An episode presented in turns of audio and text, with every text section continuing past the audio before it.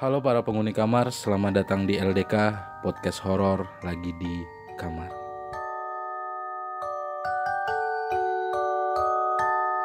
Kamar dong. Oke. Udah ini serius. Ah, ini ada sebuah cerita. Ini cerita dari eh, sekali lagi dari temanku sih. Temanku yang pernah menceritakan ke aku tentang kos-kosannya dia. Jadi belum lama ini dia pindah ke kos-kosan baru. Aku nggak aku nggak mau ya sebut sebut eh, kos-kosannya di mana karena karena ini takutnya akan menurunkan citra sekolah tiga. Sorry, sorry. Maaf teman-teman. Jadi ada sedikit gangguan. Eh, ini cerita dari temanku. Kita balik serius nih ya. Eh, ini cerita dari temanku yang belum lama ini pindah ke kos yang sekali lagi.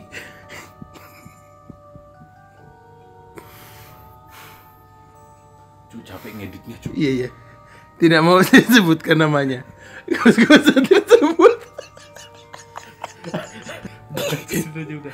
Tidak tidak saya sebutkan nama kos-kosan tersebut. Dia jadi pindah ke kosan kedua. Kenapa? Aduh,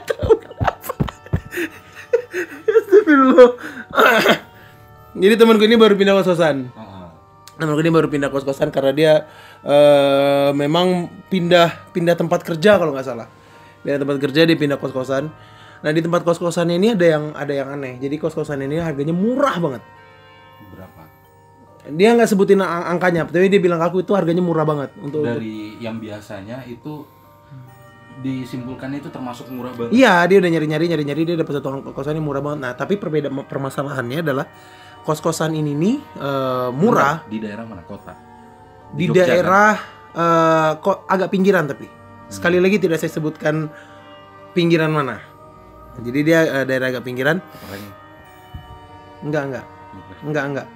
Jadi dia dia tidak eh, tidak saya sebutkan tadi. Sampai kos-kosan ini awalnya dia berpikir bisa murah banget, bisa murah banget harganya. Kenapa? Karena kos-kosannya ini ada agak-agak semi basement gitu loh. Jadi ada sebuah ruko atau rumah yang punya ged- gedung yang punya basement nggak kepake dan itu bentuknya kamar. hawanya kebayang sih. Nah, dia tinggal di sana. Dia tinggal di sana. Jadi harganya itu memang benar-benar eh, murah yang sangat-sangat tidak terduga lah. Ah, Dia tinggal di sana. Awalnya dia nggak merasakan apa pun. Awalnya dia memang biasa aja. Dia tinggal berangkat kuliah sampai eh, beberapa kali dia merasakan beberapa gangguan. Dia tuh sebenarnya orang yang pemberani banget sebenarnya. Karena eh, di seha- keseharian dia merasakan gangguan itu pun dia sudah merasa ah, toh memang banyak hal-hal seperti itu gitu. Jadi dia udah nggak dia masa bodoh kayak gangguan-gangguan yang pernah dia rasakan adalah ketika dia tidur selimutnya ada yang narik hmm. dia tidur selimutnya ada yang narik gitu. Ya kan? Dia tidur yang narik. Tapi dia eh, ya udah katanya juga. Mungkin hantunya kedinginan mungkin kan? Mungkin kan memang basement soalnya. Mungkin basement. Dia jadi nggak peduli gitu ya kan? Dia pernah sekelebat eh, tapi eh, dia ceritanya ke aku ah tapi ini kayaknya cuma mimpi deh tuh dia bilang kayak gitu. Karena dia sering kayak kebangun di suatu jam buka mata dan sekelebat ada muka di depan dia. Bu- eh, buka mata ada ada ada wajah di depan dia. Wajahnya itu katanya ceritanya tuh kayak kayak eh, cowok gondrong tapi anehnya kan kita tidur kan ngadepnya ke atas ya? Otomatis kalau ada muka di di atas kita kan berarti ngadepnya ke bawah. Tapi rambutnya nggak jatuh. Ke atas tetap rambutnya tetap tetap Oh. tetap di samping tubuhnya si itu tadi tuh. Kebayang. tapi cuman tapi cuman cuman sekelebat doang. Nah dia dia dia soalnya kalau ngeliat itu langsung pejem aja langsung pejem aja. Nah Jadi, dia. Enggak ini aku kebayang gimana Kok ngebayangin deh sih? nggak lo kebayangin lumayan Udahlah lanjut aja. Jadi eh, dia sih bilangnya paling itu cuma mimpi. Karena dia berpikirnya eh, dia tuh kayak orang yang sangat berusaha berpikir saintis gitu loh. Oh paling ketarik selimut itu tuh cuman karena kakinya sendiri yang yang nggak sengaja narik selimut itu sendiri. Terus akhirnya karena dia kepikiran itu terus lama-lama jadi kebawa dan akhirnya kebawa mimpi. Awalnya dia pikir itu cuma mimpi.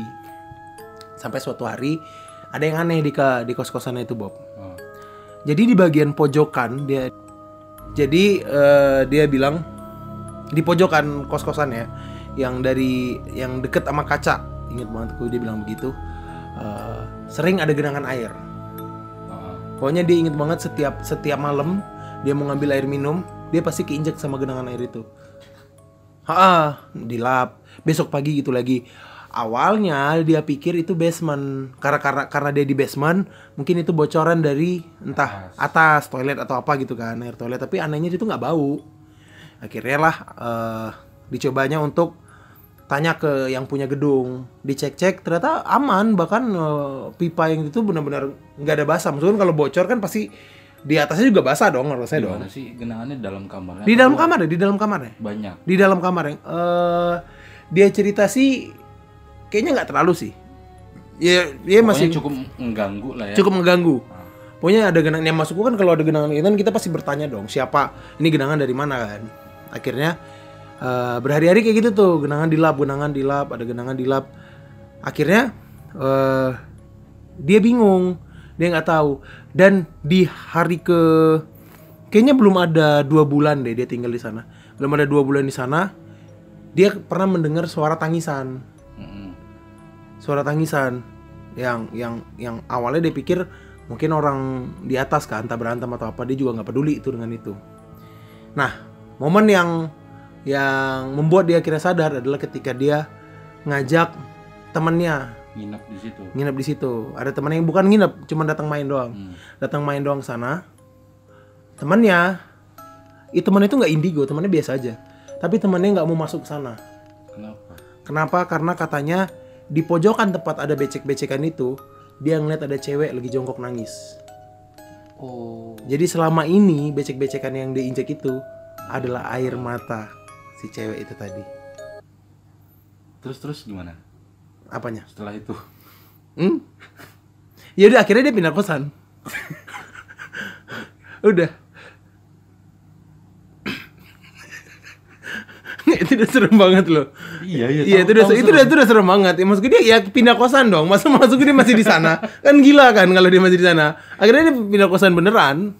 Gak maksudnya habis orang itu reaksi mereka tuh kan belum kamu tunjukin kayak habis itu kenapa habis itu kenapa kan pasti ada reaksi kan kalau kita lagi ngeliat sesuatu gitu Harus gue ceritain semua itu. detail Oh ya oke.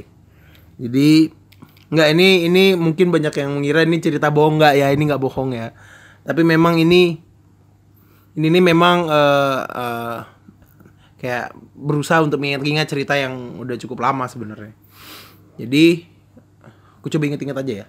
Dia tuh kayaknya ketika ketika temennya itu nggak mau masuk, ya kan udah jelas temennya nggak mau masuk. Dia cerita itu otomatis kaget dong. Dan pada hari itu juga dia langsung ngomong ke ke gedung gedung yang punya gedung Ah. buat pindah. oh dia langsung lapor dia Dia langsung lapor dia mau pindah katanya. Tapi dia nggak ngomong kalau masalah cewek itu. Kenapa kenapa pindah pindah pindah ya udah akhirnya dia keluar kan. Akhirnya dia ya kan orang punya gedung juga bisa maksa kan. Ketika dia keluar ngeliat lah ada ada tetangga sana kalau nggak salah ibu warung ibu warung depan apa ya ibu warung depan yang dia punya kulkas mereknya Ice Cool di sebelahnya ada ada ada rak-rak Coca-Cola oh iya itu yang merah Kok gak tahu sih kan banyak warung yang kayak gitu. Kau harusnya nggak tahu dong. Ya maksudnya ya mungkin kau bisa tahu sih. Rak Coca-Cola tahu yang merah Oh iya, tapi kau nggak tahu warung itu kan? Nggak tahu. Iya, jelas nggak tahu dong. Nah, dia bilang, "Eh, kenapa Mbak eh, buru-buru pindah? Eh, oh cewek ternyata cewek, dia tadi cewek. Emang gue bilang cowok. Kenapa baru-baru pindah? Dia sekali lagi nggak cerita tentang tentang eh, temennya yang ngelihat cewek nangis di pojokan. Terus akhirnya dia bilang lah si ibu eh, warung itu tadi. Saya itu udah lama merhatiin mbak katanya. Kok kok bisa betah di situ katanya. Ini saya bukannya menakut-nakutin, untungnya mbak udah pindah katanya. si warung itu Si warung itu, ibu warung itu dia bilang dulu di situ tuh ada anak kos-kosan yang nggak lulus-lulus. pasti bunuh diri dari kamar Enggak kok. oh, jadi dia dia di, di nggak lulus lulus di kosan ya kan ya kan sampai-sampai akhirnya cari yang lain.